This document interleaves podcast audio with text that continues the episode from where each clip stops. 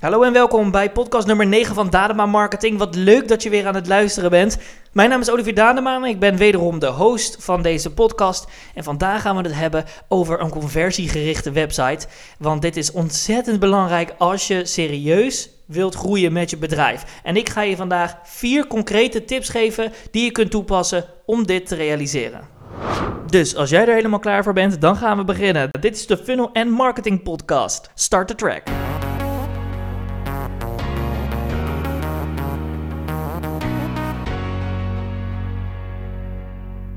Sommige bedrijven vinden een website niet zo belangrijk. Het is voor hen enkel een bijzaak.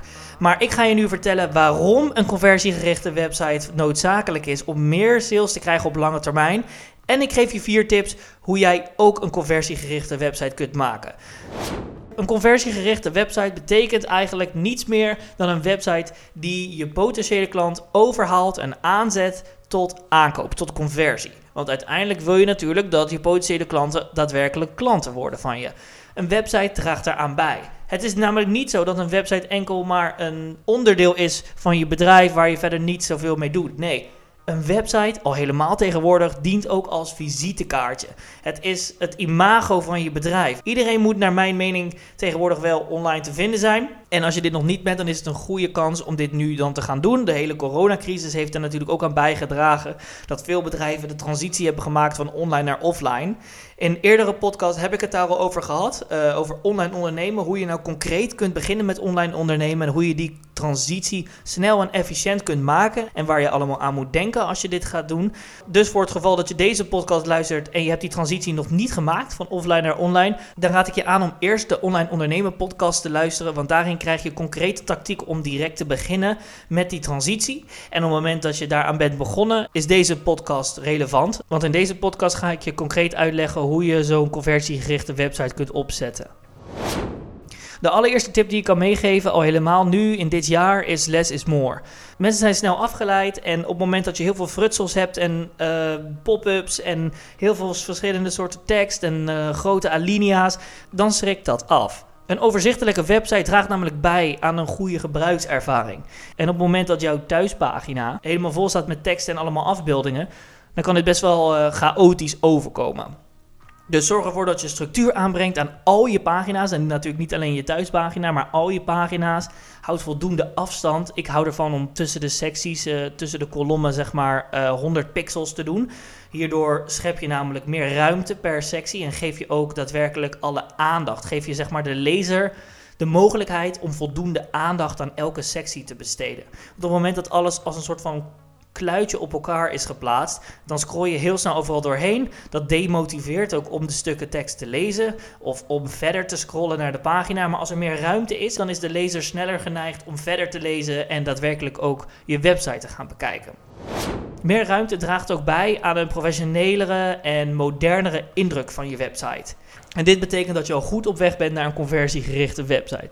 Dus denk eraan, Less is more. Op het moment dat je nog geen website hebt en je wil graag een, uh, een goede website bouwen of laten maken, luister dan even naar de podcast Online Ondernemen. Want daarin geef ik je een aantal concrete aspecten waar je rekening mee moet houden als je een eigen website gaat bouwen. Wel wil ik je nu alvast vertellen dat een CTA, een Call to Action knop, noodzakelijk is. En deze ook duidelijk moet zijn. Duidelijk aanwezig op de pagina. Wat wil je eigenlijk dat de websitebezoeker gaat doen? Op mijn website databamarketing.com staat de gratis strategie sessie centraal. Dus op het moment dat je mijn website intypt en je belandt op mijn website, dan zie je een call to action knop, een button rechtsbovenin die zegt gratis strategie sessie. En ook op de header, zeg maar de eerste sectie op de uh, thuispagina staat ook call to action, een grote knop prominent in beeld, gratis strategie sessie. Want dat is eigenlijk wat ik wil dat mensen gaan doen. Een gratis strategie sessie van 30 minuten inplannen met een growth expert. En dus met dat doel in mijn achterhoofd heb ik de website ontworpen en conversiegericht ingesteld. Want eigenlijk elk stukje tekst en elke sectie binnen mijn website is gericht om mensen over te halen om zo'n sessie in te plannen. En dit moet jij eigenlijk ook doen. Wat is jouw product of dienst? En wat wil je eigenlijk dat die mensen gaan doen? Nou, waar, waar wil je ze naartoe sturen? Naar welk gedeelte binnen de funnel? En als je meer over die funnel wilt weten en hoe je een concrete marketing sales funnel kunt opstellen, dan raad ik je aan om naar andere podcasts van mij te luisteren, ook op dit platform. Want daarin leg ik je precies uit hoe je een conversiegerichte funnel kunt opstellen, waar een website natuurlijk onderdeel van is en een hele belangrijke rol speelt. Maar voor nu zeg ik in ieder geval dat die call to action dus prominent in beeld moet zijn en ook een goede kleur moet bevatten. Niet een hele random kleur die eigenlijk helemaal niet bij je kleurenpalet past, daar dadelijk meer over. Maar gebruik een kleur die opvalt, zodat de blik van de lezer naar die knop wordt toegetrokken als het ware en daardoor dus een klik uitlokt. Tip nummer twee om een conversiegerichte website te bouwen is ehm, eh, de snelheid ervan. Want op het moment dat je website niet snel genoeg is, gaan mensen echt afhaken. En foto's, video's uh, en ander beeldmateriaal speelt hier gewoon een grote rol. Hoe groter je foto's, hoe langer de laadtijd van je pagina. En dit vindt het algoritme van Google ook niet zo fijn. Dus dan krijg je een slechte score toegekend en vervolgens gaat het je veel meer tijd kosten om hoog in de zoekresultaten te komen van Google. En dit heeft dus weer als resultaat dat je niet snel wordt gevonden. Um, ja, en dat wil je natuurlijk niet, want je wil dat je website effectief gaat zijn en gevonden gaat worden online. Suzanne van de Digitale Versnelling die zei hierover: bezoekers en Google verlaten je website als deze te traag laat. En daarom verklein je de afbeeldingen voordat je ze uploadt naar je website. Het vraagt enkele minuten extra tijd, maar levert je wel meerdere voordelen op. Daarom raad ik je aan om afbeeldingen al te verkleinen voordat je ze gaat uploaden op je website. Want als je hiervoor bijvoorbeeld op WordPress een plugin gaat gebruiken, dan kan dit ook weer negatieve gevolgen hebben. Dus doe dit niet. Download je afbeeldingen. Gebruik niet andermans afbeeldingen zonder toestemming. Dat sowieso niet, want dan krijg je copyright uh, advocaten aan je broek hangen. En die boete kan oplopen tot 8000 euro. Dus doe dat zeker niet. Als je met Canva of een ander Photoshop-programma je afbeeldingen voor je website ontwerpt, dan sla je ze op op je computer en dan vervolgens ga je ze met de Compress website, bijvoorbeeld PNG Compress, wat ik altijd uh, gebruik, kun je heel makkelijk al die foto's binnen enkele klikken verkleinen. En dan zijn ze gewoon veel kleiner formaat, zeg maar de KB. Want alle afbeeldingen boven de 1 MB, wat al helemaal niet superveel is, heeft wel grote gevolgen voor je laadsnelheid van je website. Dus zorg ervoor dat alles echt onder de 100 kb is, alle afbeeldingen. Dat zou het beste zijn. Dan is je websitepagina gewoon veel sneller en dit draagt bij aan een goede conversiegerichte website. Dan tip nummer 3 voor een conversiegerichte website is de kleurkeuze. Ik had het net al even aangehaakt over de kleurkeuze van de call to action knop. Maar dit is echt wel heel erg belangrijk. Want op het moment dat je maar random kleuren gaat gebruiken, dan ontstaat er niet meer één geheel. Kies een huiskleur. Zoals wat ik voor Dadema Marketing heb gekozen is uh, een, een, beetje roodachtige kleur. Een beetje een wat lichtere rood. En dat is onze huiskleur. Dus die kleur is overal in, in verwerkt. Op onze website, in onze blogs, in onze social media berichten. Hij komt eigenlijk, die kleur komt eigenlijk overal terug. Dat is onze thuiskleur. Ga zo'n kleur ook voor jou kiezen en gebruik die eigenlijk in alles wat je doet. Hierdoor ontstaat er namelijk herkenning vanuit de potentiële klant. Um, uiteindelijk, dat wil je natuurlijk wel dat dat gaat gebeuren. En wordt je website ook overzichtelijker, omdat het niet zo chaotisch wordt met allemaal verschillende kleuren door elkaar die misschien niet eens bij elkaar passen. Jij vindt die kleurcombinaties wellicht mooi, maar het draagt niet bij aan een conversiegerichte website. Dat zou kunnen, misschien werkt het wel, maar ja, als jij bijvoorbeeld groen, rood, paars en geel gaat gebruiken, dan kan het misschien niet bij elkaar passen. En dat draagt toch bij aan een negatieve ervaring, uh, negatieve klantervaring. Dus let hier goed op. Dit betekent niet dat je maar één kleur hoeft te gebruiken over je hele website. Kies één hoofdkleur, zoals wat ik heb gedaan. Dat rood, dat is onze hoofdkleur, onze thuiskleur. En vervolgens kiezen wij nog vier tot zes andere kleuren die ook daarbij passen, die goed daarbij staan. Misschien wat lichtere kleuren, wat doffere kleuren. Um, en die vormen samen dus één groot palet. En dat is eigenlijk jouw kleurpalet. En dat kleurenpalet, dat bestaat dus uit een hoofdkleur en verschillende subkleuren. En dat zijn dus de enige kleuren die je gebruikt. Naast zwart en wit natuurlijk. Misschien heb je al een kleurpalet voor je bedrijf. Dat is natuurlijk hartstikke mooi. Heb je dat nog niet en je gaat een website ontwerpen, ga daar eerst goed over nadenken. Welke kleuren wil je gaan gebruiken? En ja, pas die dan ook toe. Wees daar ook consistent in en ga daarmee met die kleuren jouw website ontwerpen. Hierdoor wordt je website al een heel stuk meer conversiegericht.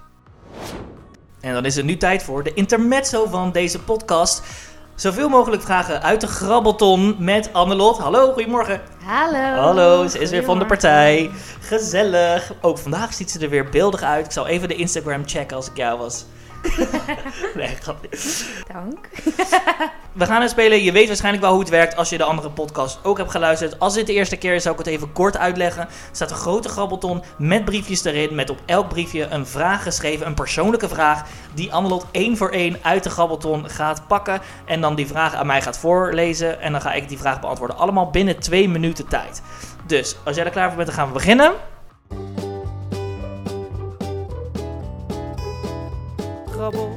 Grabbel, grabbel. Olivier's grabbelton. Tom, niet Tom. Let's go. Dan ga ik nu de timer starten. 3, 2, 1, go. Wat is het grootste risico dat je ooit hebt genomen? Het grootste risico is dat ik geld heb geïnvesteerd in een bedrijf waarvan ik niet eens wist of het wel ging werken. Als de hemel bestaat en je morgen zou sterven, zou je dan toegelaten worden? Denk het niet, nee. ik, ik denk dat ik Oh. daar hel zou gaan, ja. Oh, dat is... eh, Ja, maar dat is op zich niet zo erg, want lekker warm daar toch? Met vuur. Oké, geloof je in het lot? ik geloof niet echt in het lot, maar misschien wel in karma of zo. Ja, ik denk dat iedereen... Ik vind het toch wel fijn ja, om ergens in te geloven dat je ergens aan vast kan houden of zo. Hoe denk je dat mensen jou zien? was heel energiek, heel enthousiast, misschien wel overenthousiast, wat dan misschien een beetje negatief kan zijn. Ik denk dat ze me wel zien als vriendelijk, maar ook als chaotisch en vergeetachtig. Dat is allemaal wel heel erg negatief. Ja. Ik zou zeggen am- ambitieus en blij, vrolijk en eh, aardig, goedhartig. Ja, ik ook. Nou, fijn, dank je. Welk liedje maakt jou dolgelukkig? Zoveel liedjes, denk ik, maar ehm Spaanstalige liedjes, daar voel ik me altijd wel heel erg fijn. Ja, gewoon lekker Heb je die, geen die één favoriet nummer? Nee, ik heb, ik heb zo mijn- momenten, weet je wel. De ene, ene paar weken luister ik dat hele nummer kapot en dan de volgende week heb ik weer een heel ander nummer waar ik naar luister. Dus het is een beetje vlagen. Oké, als je het leven van een ander zou kunnen overnemen, wiens leven zou, de- zou je dan overnemen? Heel lastig. Echt heel lastig. Wow, ik zou, ik zou denk ik niet weten wie. Nee. Want je kan wel denken van ja, ik zou Justin Bieber willen zijn of ik zou Lady Gaga willen zijn of iemand die beroemd is, maar ja, waarom? Dan kan ook de koning. Daar ben je een keer voor. Nee joh, dat is veel te statig. dat kan niet. Ik spreek iedereen aan met je. Dat kan nog niet. eh, Nee, zou een disgrace zijn voor het land, denk ik. Om mijn gimpies kom ik dan aan op staatsbezoek. Ja, boeien. dat is wel wereldnieuws dan. Ja, Oké, volgende vraag. oké. We zijn er bijna. Met welk fictieve karakter heb jij het meest gemeen? Ik ken geen fictieve karakters. Ik kijk, dat, ik kijk die niet eigenlijk. Doe de volgende vraag, snel. We winnen oké. de tijd. Volgende vraag. Als je op je vijfde vroeg eh, wat je wilde worden, wat had je dan gezegd? Op mijn vijfde had ik denk ik gezegd politie.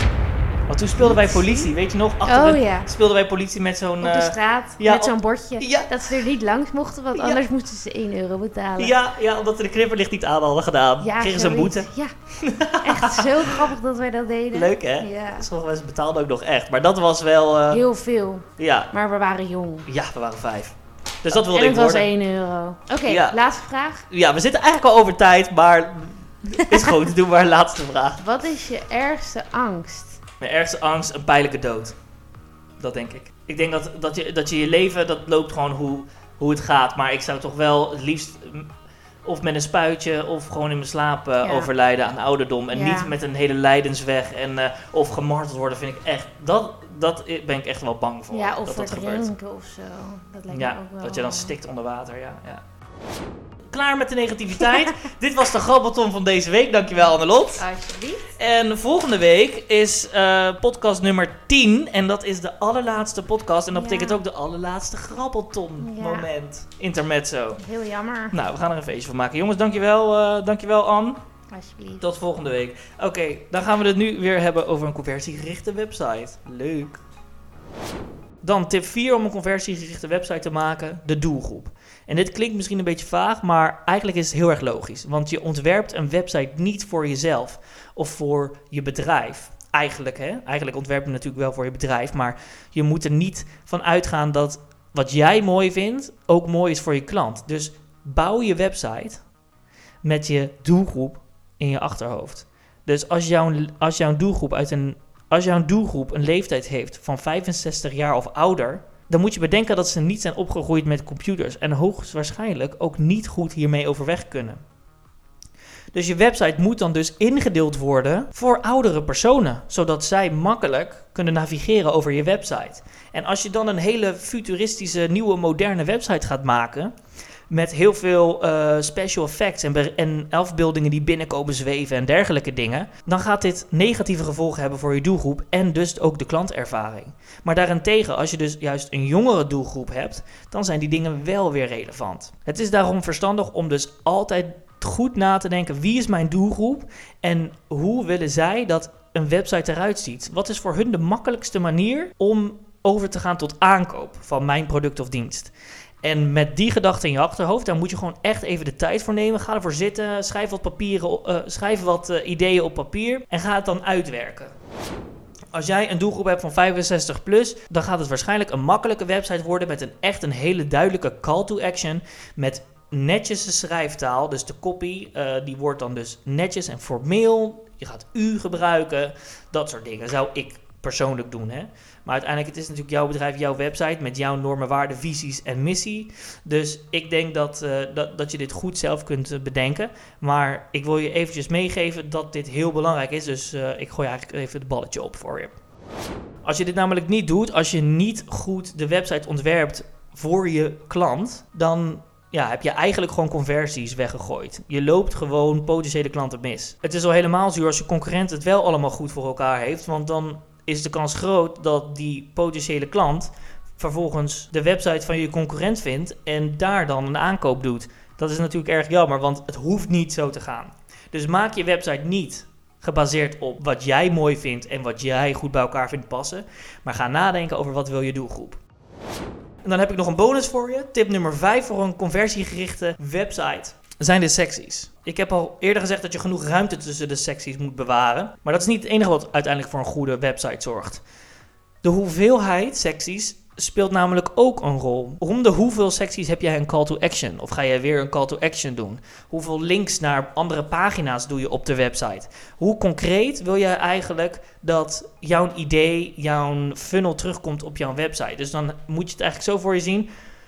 Um, als ik bijvoorbeeld wil dat mensen een blueprint gaan downloaden, een gratis Facebook blueprint, dan maak ik een pagina aan met misschien drie secties waarin uh, de klant, de potentiële uh, abonnee, zeg maar, de potentiële downloader, op die pagina's komt. En dan vervolgens heel makkelijk, heel snel met één keer scrollen of niet eens uh, de blueprint kan downloaden. Maar als jij juist wil dat mensen eerst alles lezen, dan ga je de call to action waarschijnlijk niet bovenaan zetten. Ik zal sowieso aanraden om in ieder geval een call to action bovenaan de pagina te doen en dan eentje onderaan de pagina en misschien nog eentje midden in de pagina. Ligt er een beetje aan hoe groot je pagina is. Maar ik zou niet de call to action helemaal onderaan de pagina doen, want ja, het zou zonde zijn als je mensen in, in de lange scrolltijd gewoon verliest. Dus geef de paginabezoeker in ieder geval de mogelijkheid om bovenaan de pagina alvast op de call to action te klikken. En ook nog een keer onderaan de pagina. En als je pagina echt lang is, misschien ergens in het midden. Maar focus je ook vooral op hetgeen waar jij wil dat zij naartoe gaan. Want als jij op één pagina allemaal secties maakt die ieder naar een andere pagina toe leiden op je website, dan is er geen structuur op die pagina en dan geef je eigenlijk niet genoeg vorm aan je funnel. Want ja, hoe weet de potentiële klant nou waar ze op moeten klikken? Toch? Als jij echt wil dat zij een gratis strategie-sessie gaan inplannen, dan moet je niet op één pagina linken naar de gratis strategiepagina, ook nog naar je portfolio, ook nog naar drie verschillende blogs en ook nog naar de contactpagina en ook nog naar de over ons pagina en ook nog naar adviespagina. Weet je, dat, dat is gewoon te veel. Als jij wil dat zij een gratis strategie-sessie gaan boeken, dan moet je gewoon die CTA pakken, die call to action pakken en die centraal stellen op die pagina. En natuurlijk kun je ook je blogs vermelden of andere pagina's vermelden. Maar ik zou zeker daar wel even goede keuzes in maken. Van wat wil je nou prioriteit hebben? Wat vind je het belangrijkste? Waar wil je nou echt dat die websitebezoeker naartoe gaat? Hou dat in je achterhoofd. Implementeer deze vijf tips. En mocht je vragen hebben, dan, nou, dan weet je me te vinden. Bij Dadema Marketing voeren wij website-analyses uit. Dus mocht je twijfelen over je funnel of over je website, uh, stuur ons dan een bericht. Dus we gaan precies jou laten zien wat je kunt verbeteren en hoe je jouw website nog conversiegerichter kunt maken. Dus stuur hiervoor een e-mail naar info.dademamarketing.com, D-A-D-E-M-A marketing.com. En dan gaan we samen kijken naar uh, ja, hoe we jouw website nog conversiegerichter kunnen maken. Wil je nou zelf concreet aan de slag met ondernemen? Luister dan onze andere podcast, want daarin vertel ik je veel meer over het opzetten van funnels, uh, succesvolle advertenties en hoe je daadwerkelijk kunt beginnen met online ondernemen. Voor nu wil ik je bedanken voor het luisteren naar deze podcast. Ik wens je nog een hele fijne dag of natuurlijk een fijne nacht, fijne avond, welke tijd het ook bij jou is. En dan spreken we elkaar bij de volgende podcast.